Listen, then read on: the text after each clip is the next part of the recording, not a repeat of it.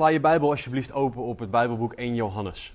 We zijn ondertussen aanbeland in het uh, laatste hoofdstuk. We gaan daar twee weken over doen, ondanks dat het niet heel veel versen lijken. Maar er staat zoveel in dat het um, beter is om er twee keer over te doen. Um, er. Heb jij een blaadje voor de vertaling? Top. Um, we hebben afgelopen week samen gekeken naar 1 Johannes 4, het laatste gedeelte. En we hebben toen samen gekeken naar het effect van Gods liefde. We hebben gezien dat God ons door die liefde in zichzelf houdt. We hebben gezien dat die liefde angst wegdrijft uit ons. En dat die liefde ons aanzet tot wederliefde. En vandaag gaat Johannes uh, gaat hij verder. Hij gaat ons uitleggen over het effect van geloof op de christen. En we gaan vandaag naar vier punten kijken die Johannes ons vertelt. Hij, zet, hij zegt één, geloof zet ons aan tot het liefhebben van God en van onze naasten. Twee, zegt hij, geloof overwint de wereld. Drie, geloof bevestigt dat Jezus Christus God is. En vier, geloof geeft ons eeuwig leven. Nou, dat gaan we allemaal halen uit het stuk uit 1 Johannes 5. Ik wil jullie vragen om indien mogelijk te gaan staan en samen met mij 1 Johannes hoofdstuk 5, vers 1 tot en met 13 te lezen. 1 Johannes 5, vers 1 tot en met 13. Johannes schrijft: Ieder die gelooft dat Jezus de Christus is, is uit God geboren. En ieder die hem lief heeft, die geboren deed worden, heeft ook lief wie uit hem geboren is. Hieraan weten wij dat wij de kinderen van God lief hebben, wanneer wij God lief hebben en zijn geboden bewaren. Want dit is de liefde tot God, dat wij zijn geboden in acht nemen, en zijn geboden zijn geen zware last. Want al wat uit God geboren is, overwint de wereld. En dit is de overwinning die de wereld overwonnen heeft, ons geloof. Wie anders is het die de wereld overwint dan hij die gelooft dat Jezus de Zoon van God is? Hij is het die kwam door water en bloed. Jezus de Christus. Niet door het water alleen, maar door het water en het bloed. En de geest is het die getuigt, omdat de geest de waarheid is. Want er zijn er drie die getuigen in de hemel: de Vader, het Woord en de Heilige Geest. En deze drie zijn één. En drie zijn er die getuigen op de aarde: de geest, het water en het bloed. En deze drie zijn één. Als wij het getuigenis van de mensen aannemen, het getuigenis van God is groter. Want dit is het getuigenis van God, dat Hij van Zijn Zoon getuigd heeft. Wie gelooft in de Zoon van God, heeft het getuigenis in zichzelf. Wie God niet gelooft, heeft Hem tot leugenaar gemaakt. Omdat Hij niet geloofd heeft het getuigenis dat God van Zijn Zoon getuigd heeft. En dit is het getuigenis, namelijk dat God ons het eeuwige leven gegeven heeft. En dit leven is in Zijn Zoon. Wie de zoon heeft, heeft het leven. Wie de zoon van God niet heeft, heeft het leven niet. Deze dingen heb ik geschreven aan u die gelooft, in de naam van de zoon van God, opdat u weet dat u het eeuwige leven hebt en opdat u gelooft in de naam van de zoon van God. Heren, dank u wel. Dank u wel voor dit stuk tekst, waardoor u heen u ons zoveel wil leren. Dank u wel dat u uzelf van ons wil laten zien. En dat is mijn gebed vandaag. Raak onze harten aan door uzelf aan ons te laten zien. Spreek, heren, en open onze oren zodat we kunnen horen. Open onze harten zodat we het zullen ontvangen. Heren, doe uw grote werk vandaag. Heren, dat vragen wij niet omdat wij het verdienen, maar alleen uit genade. In Jezus' naam. Amen. Neem alsjeblieft plaats. Voordat we de tekst in gaan duiken, wil ik met jullie kort kijken naar het woord geloof. Want het is een woord dat we veel gebruiken. Zeker mensen die langer rondlopen in de kerk, um, die horen het woord geloof continu. Maar wat betekent het nou volgens de Bijbel? Want wij gebruiken het voor veel dingen. Galaten 5:22 zegt dat geloof onderdeel is van de vrucht van de geest. Geloof is dus iets dat we van God krijgen. Het is niet iets dat als ik maar heel hard mijn best doe, dat ik het kan oproepen. Hebreeën 11, vers 1 zegt het volgende. Het geloof nu is een vaste grond van de dingen die men hoopt en een bewijs van de zaken die men niet ziet. Oftewel, geloof is zekerheid, vaste grond om op te staan. Het zijn allemaal dingen die wij van God mogen ontvangen. En als je dan Hebreeën 11 en Galaten 5 combineert, naast elkaar legt, kan je het volgende zeggen. Hoe meer liefde wij van God krijgen en voor God hebben, hoe meer geloof we zullen hebben. En ook die liefde ontvangen wij van God. Ik zeg niet dat als ik uit mezelf meer van God ga houden, dat ik meer geloof krijg. Ik zeg dat als God mij meer liefde geeft, dat ik meer in God zal gaan geloven. En meer geloof heb in situaties. Laten we met dit in ons achterhoofd gaan kijken naar wat Johannes ons zegt over geloof. Het eerste punt dat Johannes ons gaat vertellen, is dat geloof ons aanzet tot God liefhebben en zijn kinderen liefhebben. Hij zegt in, eh, vers 1 tot en met 3: Ieder die gelooft dat Jezus de Christus is, is uit God geboren. En ieder die hem lief heeft, die geboren deed worden, heeft ook lief wie uit hem geboren is. En hieraan weten wij dat wij de kinderen van God lief hebben, wanneer wij God lief hebben en zijn geboden bewaren. Want dit is de liefde tot God, dat wij zijn geboden in acht nemen en zijn geboden zijn geen zware last. Johannes heeft al eerder aangegeven dat wij God en zijn kinderen horen lief te hebben. Dat is een van de centrale thema's in dit boek. Johannes is ook de apostel van de liefde. Hij spreekt er het meeste over. Maar Johannes maakt nu hetzelfde punt, God en zijn kinderen liefhebben, vanuit een andere invalshoek.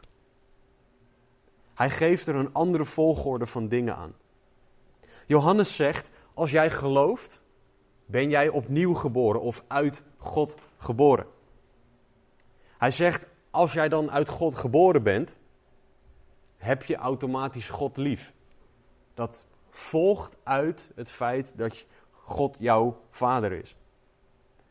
En als jij God dan lief hebt, zal jij automatisch zijn kinderen gaan liefhebben. De kerk. Andere manier van er naar kijken dan voorheen. En wat Johannes hier zegt is heel belangrijk. Hij zegt om God lief te kunnen hebben, om iemand anders lief te kunnen hebben, moet je eerst geloven.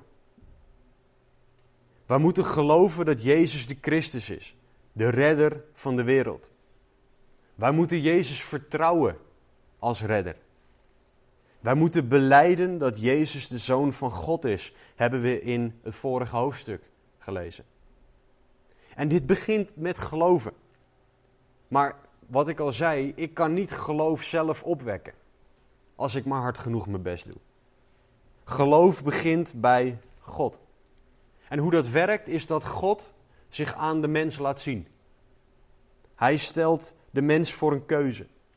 En de Bijbel leert dat God zich laat zien door de natuur, door ons geweten en door zijn woord. Door die drie dingen kunnen mensen God gaan zien. En de keuze is dan, geloof jij God of niet? Als jij naar de sterren kijkt en je weet dat er ontelbaar veel zijn. Dat kan geen toeval zijn. De aarde staat op de perfecte plek om niet te verbranden, niet te bevriezen.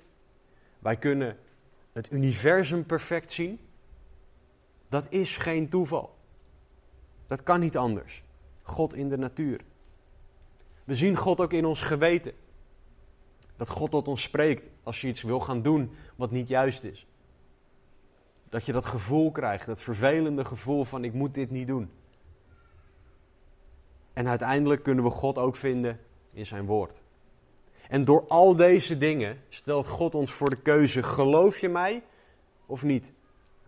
En als wij voor Hem kiezen, geeft Hij ons het geloof dat we nodig hebben. Hij legt het geloof in ons, het is een vrucht van de geest. En zodra wij dat geloof ontvangen hebben, gaan wij ook liefde ontvangen. En door die liefde gaan we weer meer geloven in God. Want we gaan Hem beter leren kennen. Ik hou nu meer van mijn vrouw dan toen wij voor het eerst getrouwd waren. Dan toen we elkaar voor het eerst leerden kennen. En dat is maar goed ook. Ik was niet altijd even aardig in die tijd. Maar doordat we elkaar beter hebben leren kennen, zijn we meer van elkaar gaan houden. Zo werkt het ook in onze relatie met God. Hoe meer tijd we met God doorbrengen, hoe meer we Hem lief gaan hebben, omdat we Hem beter gaan leren kennen. Maar Johannes zegt, hoe meer je God gaat liefhebben, hoe meer jij ook zijn kinderen gaat liefhebben. En dat zal je doen in woord en in daad. Dus niet hier alleen in je hoofd, dat je denkt, het zijn hele lieve mensen en ik hou van ze. Maar je zal ook praktisch de kinderen van God gaan liefhebben. Vanaf vers 2 gaat Johannes, gooit hij het over een iets andere boeg. Hij legt het nog weer anders uit, voor mochten we het niet snappen. Hij zegt, het bewijs dat wij Gods kinderen lief hebben, is het kan je vinden in het feit dat wij God lief hebben en zijn geboden bewaren. Dus Johannes geeft ons nu een derde invalshoek op God en zijn kinderen liefhebben. God liefhebben en zijn geboden doen, zegt Johannes, leidt tot het liefhebben van Gods kinderen. Er zijn mensen tegenwoordig in de kerk die zichzelf christen noemen. Die zeggen: Ik hou van God, maar ik hou niet van de kerk. Mensen die zeggen: Ik wil heel veel tijd aan God spenderen, maar ik wil geen tijd doorbrengen met de kerk. Johannes zegt: Dat kan niet. Johannes zegt: Als jij van God houdt, zal jij van zijn kerk houden. Daarmee bedoel ik niet mensen die zeggen christen te zijn, zoals bijvoorbeeld de Jehovah's getuigen, de Mormonen, die niet Jezus Christus echt lief hebben. Maar er zijn mensen, christenen, wedergeboren christenen, met wie ik het op bepaalde dingen niet eens ben. Maar ik hou toch van ze, omdat we dezelfde Jezus hebben. Dat is de onderscheidende factor, Jezus. En je moet het zo voor je zien. God houdt oneindig veel van zijn kinderen. En als wij van God houden, zullen wij van dezelfde dingen gaan houden als Hij. Ik hou tegenwoordig opeens van fietsen, omdat mijn vrouw van fietsen houdt. Zo werkt dat. Ik hou van groenvoer eten en dat soort dingen, omdat mijn vrouw van groenvoer eten houdt. Ook wel bekend als groente. Um, zo werkt dat ook in onze relatie met God. Wij gaan houden van de dingen waar Hij van houdt. Specifiek de mensen waar Hij van houdt. Liefde voor God scheiden van liefde voor de kerk is onmogelijk. En God en zijn kerk liefhebben, zegt Johannes, kunnen we zien aan Gods geboden doen. Dat zien we in de tien geboden. Die zijn opgedeeld in dingen richting God en dingen richting mensen. We kunnen door de Bijbel heen zien dat God ons oproept om van Hem te houden. En Hij geeft ons ook versen waar, waarin Hij zegt: Doe dit voor elkaar. De one another of elkaar versen. En de Bijbel staat er vol mee met dat wij van elkaar horen te houden. Vergeet niet dat Johannes niet uit zichzelf een brief schreef. Hij doet dit onder de leiding van de geest. Dus hij citeert God letterlijk. En God zelf zegt dat wij van onze broeders en zusters horen te houden. En dat dat blijkt uit het volgen van Gods geboden. Johannes stelt ons ook gerust. Hij zegt: Gods geboden zijn geen zware last. Jezus zei het als volgt in Johannes 4, vers 34. Hij zei: Mijn voedsel is dat ik de wil van Hem doe die mij gezonden heeft en Zijn werk volbreng. Dat is wat belangrijk was voor Jezus. Jezus gaat verder in Johannes 6, 38 om het preciezer uit te leggen. Hij zegt: Ik ben uit de hemel neergedaald, niet opdat ik mijn wil zou doen, maar de wil van Hem die mij gezonden heeft. Oftewel, de christen hoort Gods wil te doen. En dat is wat ons kracht geeft, wat ons voedsel voor de dag is. Jezus zegt dat de wil van God doen belangrijk is. Van levensbelang, want voedsel hebben we nodig om te overleven. De mens is op aarde om meer te worden als Jezus, dus om Gods wil te doen. En dat betekent, zegt Johannes, dat als wij in God geloven, als wij christenen zijn, dan zullen wij God gaan liefhebben en uiteindelijk ook zijn kerk gaan liefhebben. Omdat God van zijn kerk houdt. Het eerste punt dat Johannes ons duidelijk wil maken. Geloof in God leidt tot God en zijn kinderen liefhebben. Hij gaat verder in vers 4 en 5 om onze tweede punt uit te leggen. Geloof overwint de wereld. Johannes zegt: Al wat uit God geboren is, overwint de wereld. En dit is de overwinning die de wereld overwonnen heeft: ons geloof. Wie anders is het die de wereld overwint dan hij die gelooft, of zij die gelooft, dat Jezus de Zoon van God is?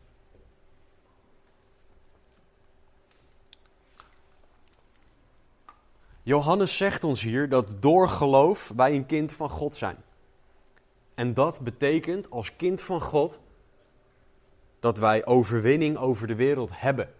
Het is een vaststaand feit. Hij zegt niet, misschien als je het goed genoeg doet, als je lief genoeg bent. Hij zegt, je hebt overwinning over de wereld. En om even een stap terug te doen, wat is de wereld?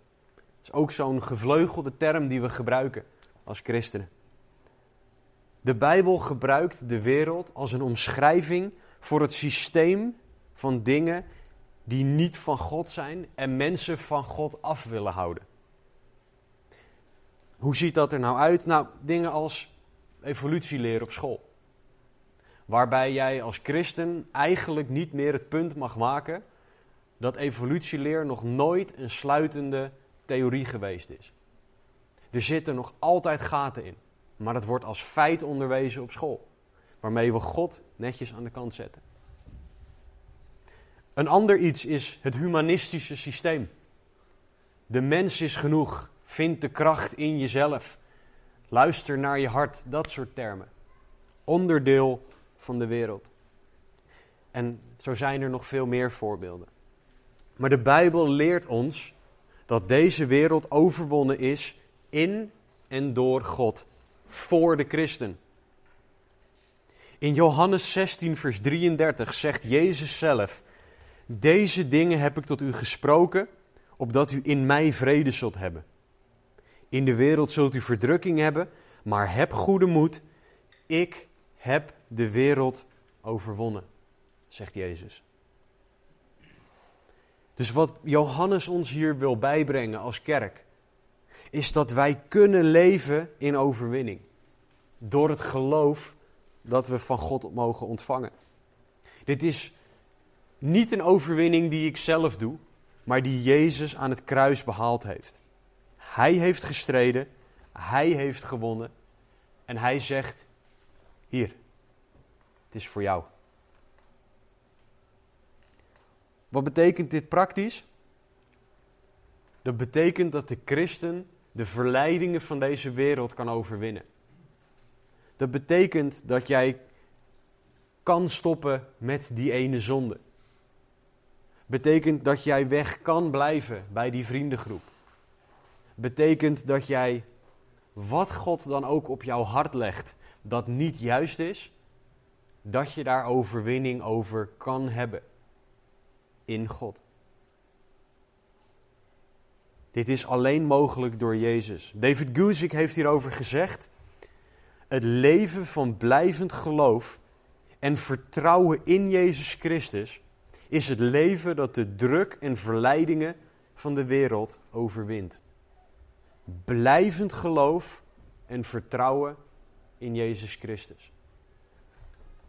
Dat is dus een proces. Iets wat je vaker moet doen. Er zijn maar weinig mensen die van een zonde op het een op het andere moment verlost worden. Voor de meeste van ons is het de strijd aangaan. En nog een keer. En nog een keer. En nog een keer. En dan weten dat die overwinning er elke keer is. Maar dat we afhankelijk moeten zijn van Jezus. Johannes stelt ons allemaal de vraag of jij zo in Jezus gelooft. Geloof jij in wat Jezus gedaan heeft? Geloof jij in wie Jezus is? Dan heb je overwinning van God gekregen. Het is een vaststaand feit en daar mag je naar leven. Maar geloof jij zo in God dat God dat ook in jou kan doen? Johannes gaat verder vanaf vers 6. Hij gaat vanaf hier ons bevestigen, punt 3, dat Jezus God is. Laten we vers 6 tot en met 10 lezen. Hij is het die kwam door water en bloed. Jezus de Christus. Niet door water alleen, maar door het water en het bloed. En de geest is het die getuigt, omdat de geest de waarheid is. Want drie zijn er die getuigen in de hemel: de Vader, het Woord en de Heilige Geest. En deze drie zijn één. En drie zijn er die getuigen op de aarde: de geest, het water en het bloed. En deze drie zijn één. Als wij het getuigenis van de mensen aannemen, het getuigenis van God is groter. Want dit is het getuigenis van God dat hij van zijn zoon getuigd heeft. Wie gelooft in de zoon van God heeft het getuigenis in zichzelf. Wie God niet gelooft, heeft hem tot leugenaar gemaakt, omdat hij niet geloofd heeft het getuigenis dat God van zijn zoon getuigd heeft. Aan het begin van de preek zei ik dat liefde een belangrijk thema in de brief is. Een ander belangrijk thema is het bestrijden van valse leer. En in de tijd van Johannes kwamen er veel nieuwe theorieën binnen de kerk.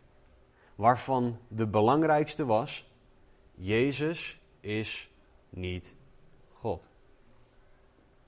Jezus was een goed mens, deed goede dingen, was gestorven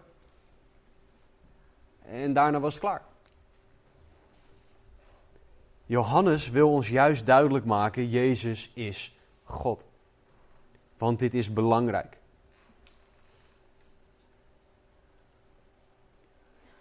Johannes zegt ons dat Jezus in de hemel is. Johannes zegt ons dat er van hem getuigd wordt op aarde. En Johannes zegt dat Jezus kwam door water en bloed. En dat de geest hiervan getuigt. Nou, water is een beeld van de doop en van de reiniging van zonde.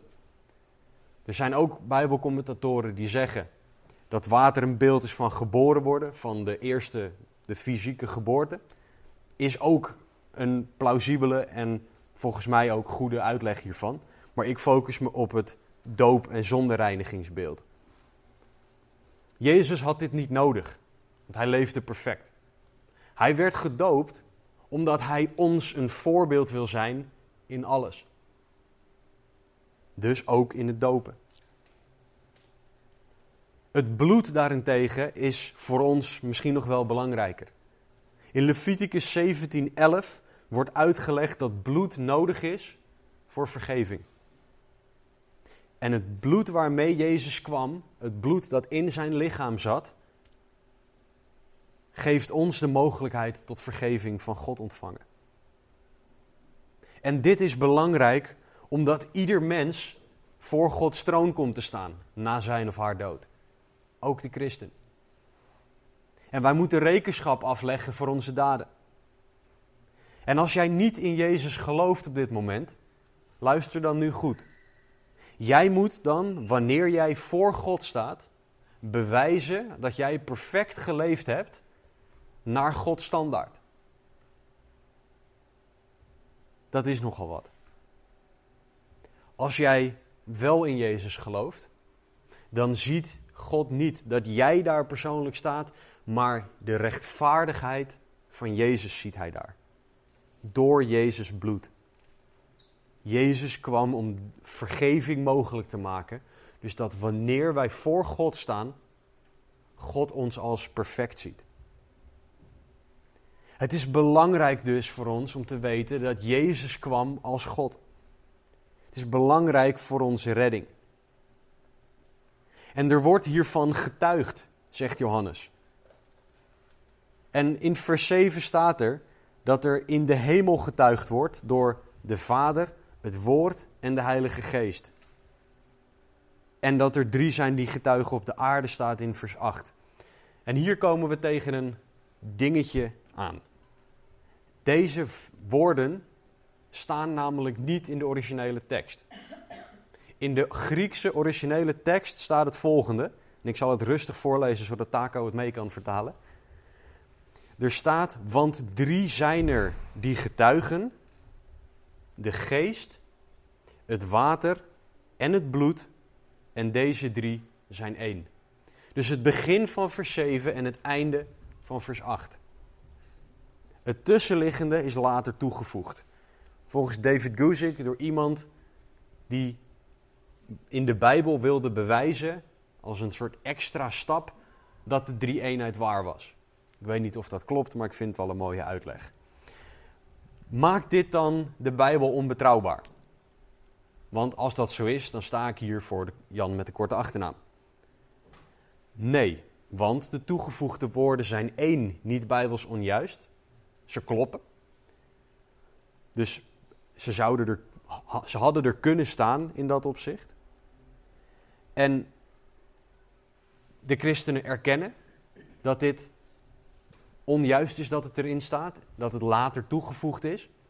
En als laatste, er staan 50 teksten ongeveer in het Nieuwe Testament waar je vraagtekens bij zou kunnen hebben. Wat neerkomt op 1 duizendste, oftewel 0,001% van het Nieuwe Testament, waar je vraagtekens bij zou kunnen hebben.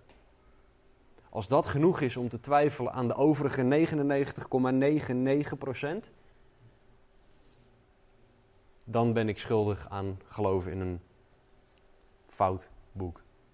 Maar de rest klopt gewoon, kunnen we achterhalen, weten we zeker dat het uit de tijd van de schrijvers komt. Dus ik sla het middenstuk van vers 7 en 8 over en ik focus me op wat er daadwerkelijk staat. Namelijk dat er getuigd wordt door de geest, het water en het bloed. Wat je hier ziet is dat er getuigd wordt van Jezus Christus op drie manieren. En de geest van God, de Heilige Geest, heeft één doel, heeft één taak. Hij wijst mensen op Jezus. En dat doet hij door te overtuigen van zonde en oordeel. Door te getuigen van Jezus. Maar wat de Heilige Geest altijd doet, is zeggen: daar is Jezus. En kijk eens hoe geweldig Hij is. Kijk naar Zijn offer, naar Zijn bloed. Dat is wat belangrijk is. De Geest getuigt. Jezus kwam door het leven, het, water, zijn leven, zijn, ehm, zijn getuigenis. Hij leefde perfect. Zijn leven getuigt van dat hij God is. Want hij hield wel die standaard van perfectie. En ook het bloed, zijn dood, getuigt van goddelijkheid. Want hij stierf voor ons en stond uiteindelijk weer op uit de dood. Wat alleen God kan. Dus wat Johannes zegt, is je mag geloven en zeker weten dat Jezus God is. Hij gaat daarna door en verlegt de focus van waar God van getuigt naar de lezers, de luisteraars. Hij zegt met, in mijn woorden: Jullie nemen woorden van mensen aan, maar luister nou naar God. Hij zegt: God is groter en spreekt altijd de waarheid. Johannes wil hier valse leer tegengaan door de kerk te richten op wat God zegt. Jullie moeten ook niks aannemen van wat ik zeg. Maar jullie moeten alles toetsen aan de Bijbel. En als, er, als ik iets zeg wat niet hiermee overeenkomt, heb ik het fout. Niet de Bijbel.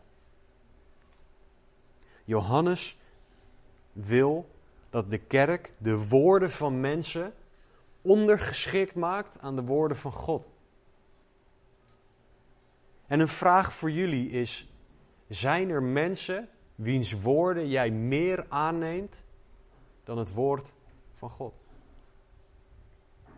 Zijn er mensen dat als zij zeggen, ja maar het is zo, dat jij bereid bent om Gods woord daarvoor aan de kant te schuiven?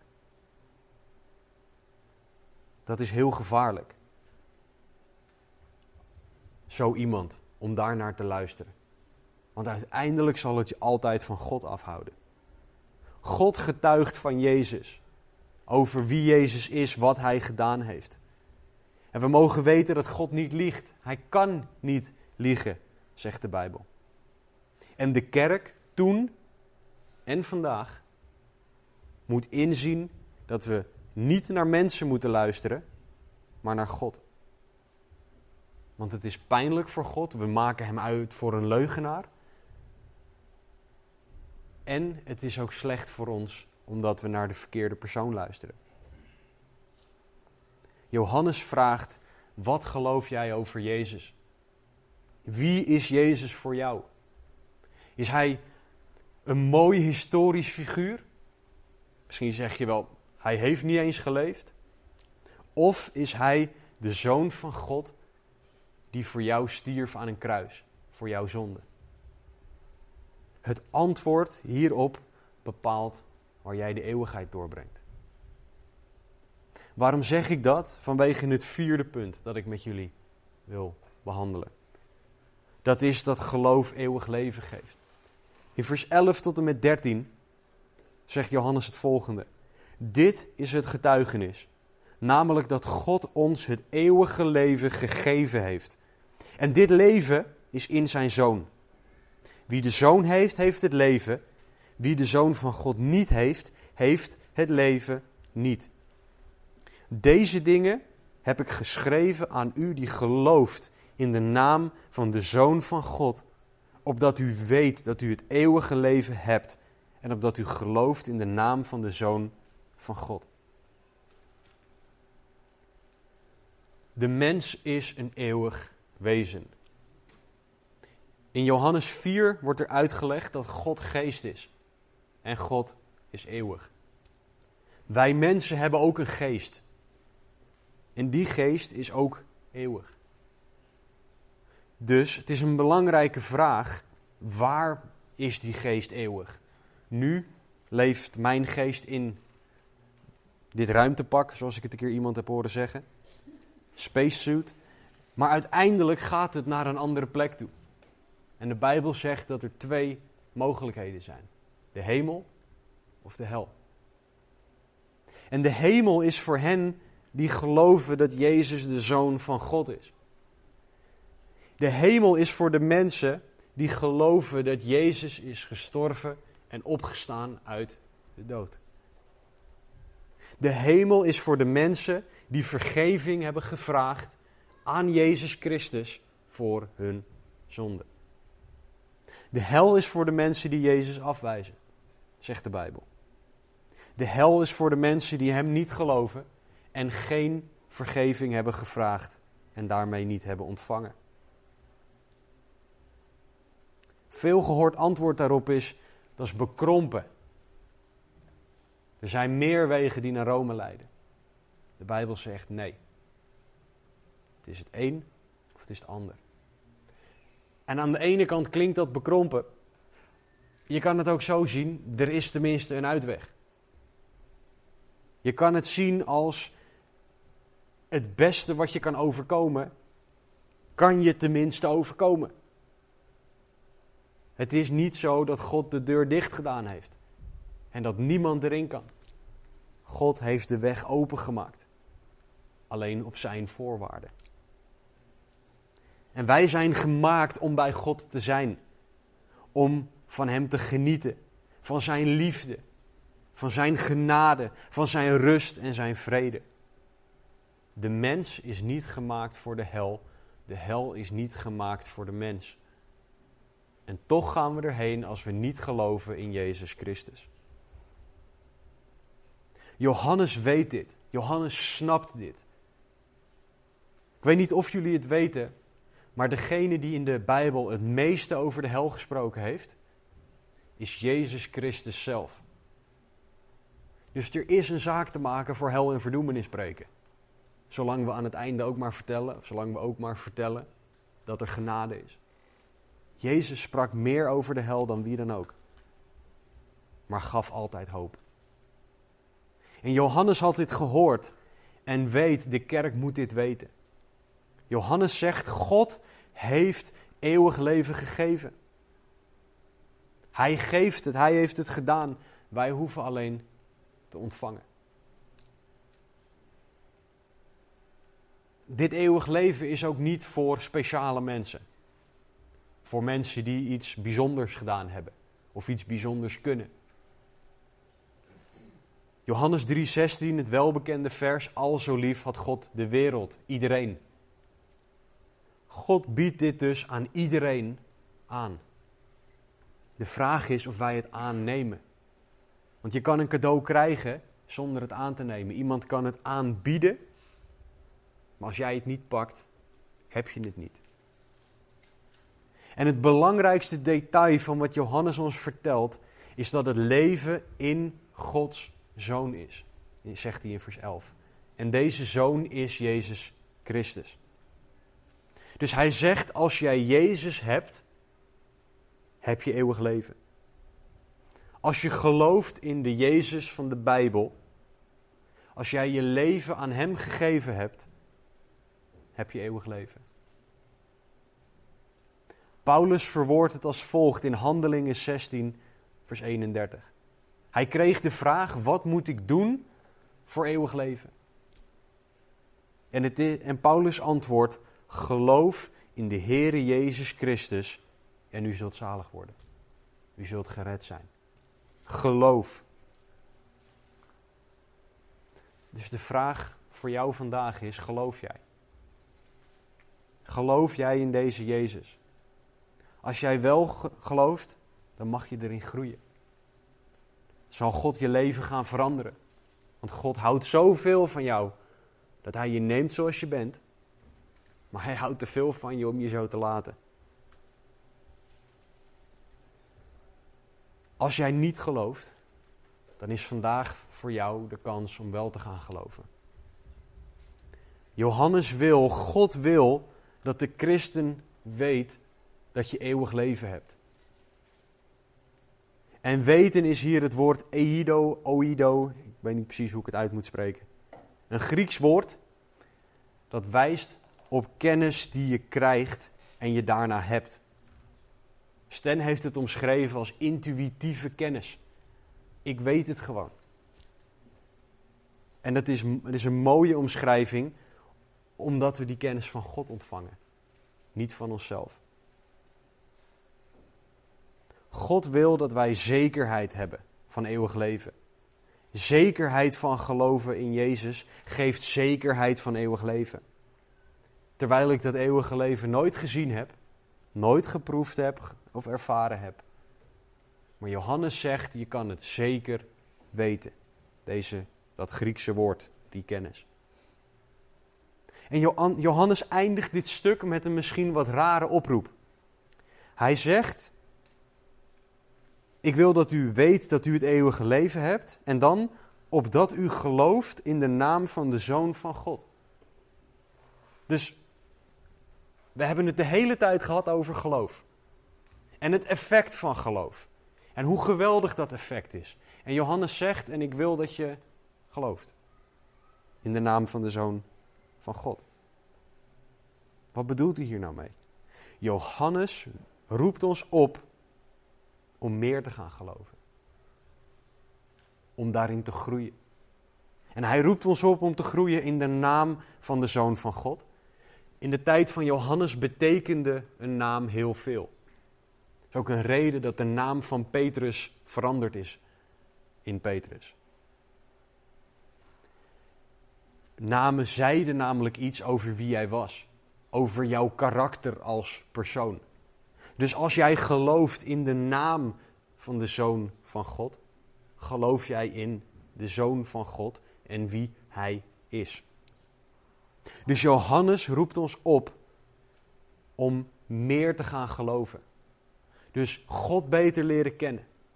Waardoor we God meer lief hebben. Waardoor we uiteindelijk meer zullen gaan geloven. Hoe ga je meer vertrouwen? Nou, meer met iemand omgaan. Ik vertrouw mijn vrouw meer dan toen ik haar voor het eerst ontmoette. Omdat we langer met elkaar zijn omgegaan. En zo geldt het ook voor ons met God. Wij gaan God meer geloven naarmate we meer tijd met Hem doorbrengen. En dat is belangrijk. Wij mogen door het leven gaan om vaste grond te leren kennen. Laten we nog een keer Hebreeën 11:1 voor de geest halen. Het geloof nu is een vaste grond van de dingen die men hoopt. En een bewijs van de zaken die men niet ziet. Dit is waar wij in mogen groeien. Wij mogen meer bewijs gaan zien voor het feit dat Jezus betrouwbaar is. Dat Jezus is wie hij zegt te zijn in de Bijbel. Wij mogen gaan zien dat geloof logisch is en dat het goed is, omdat Jezus God is. Hoe meer wij met God gaan wandelen, hoe meer wij God gaan vertrouwen, hoe meer we Hem gaan geloven. En dit is een proces wat een investering vraagt van onze kant, van jou. Dit is nodig, die investering, om je relatie met God op te bouwen. Tijd, energie, misschien wel geld. En dan zal je gaan zien dat je geloof gaat toenemen. Omdat je die God meer gaat vertrouwen. Maar de vraag is, zijn wij bereid die investering te doen? Johannes zegt, als je die investering doet, dan zal je gaan zien, gaan geloven en zekerder zijn van het eeuwige leven dat God voor jou heeft. We hebben vandaag in dit prachtige stuk tekst uit 1 Johannes 5 vier dingen gezien over geloof. We hebben gezien dat geloof een groot effect heeft op het leven. Specifiek in dat het ons leidt tot God en zijn kinderen liefhebben. Daarnaast overwint geloof de wereld, omdat Jezus de wereld overwonnen heeft. Geloof geeft zekerheid over dat Jezus God is. En door het geloof kunnen wij zekerheid van, van eeuwig leven hebben, van redding. De belangrijkste vraag van vandaag is: heb jij dit geloof? Geloof jij in deze Jezus? Als het antwoord nee is, dan heb ik goed nieuws voor jou. Dit geloof is ook voor jou. Er is nog meer goed nieuws, namelijk God houdt oneindig veel van jou. Hij wil niet dat jij naar die plek de hel gaat. Dus stuurde hij Jezus om voor jouw zonde te sterven. Jezus droeg de straf die jij en ik hadden verdiend door onze zonde. Waardoor jij en ik nu leven kunnen ontvangen. Accepteer dat offer vandaag. Leg je leven in zijn handen. Als jij al wel gelooft, dan is mijn vraag: hoe is het met jouw geloof? Als God een geestelijke thermometer bij jou naar binnen zou steken, hoe zou dat er dan uitkomen? Geloof jij nog echt in God? Of is het een routine geworden? Ben je het misschien zelfs wel een beetje kwijt? Vraag jij God nog om meer geloof? Wil jij meer van Jezus zien? heb jij zekerheid van eeuwig leven? Leidt jouw geloof je tot het liefhebben van God en zijn kinderen? Als niet, leg je hart bij God en vraag Hem om jou te veranderen. Als wel, vraag Hem om dat meer te laten worden. Meer liefde voor Hem en voor Zijn kerk. Leidt jouw geloof jou tot overwinning over zonde? Overwinning over de wereld? Als wel, prijs de Heer. Als niet, als er die zonde is die al een tijd ettert, die je maar niet lijkt te kunnen overwinnen, vraag dan aan God om het geloof dat de wereld overwint. Leg je leven opnieuw bij Hem neer, vraag Hem om vergeving en vraag Hem om jou te leren leven in Zijn overwinning. Weet jij zeker dat Jezus God is? Geloof jij dat 100%? Als wel, prijs de Heer, hou dat vast. Blijf Hem beter leren kennen. Maar als niet, vraag God om jou hiervan te overtuigen. Want dit is fundamenteel voor ons geloof. En geeft jouw geloof jouw zekerheid van eeuwig leven. Als niet, mag jij je onrust en misschien wel je ongeloof bij God neerleggen. Dus er is een man in de Bijbel die zegt: Heer, ik geloof, maar kom mijn ongeloof tegemoet. Dat mogen wij ook tegen God zeggen. En God wil jou die zekerheid geven, dat geloof, die rust en die vrede.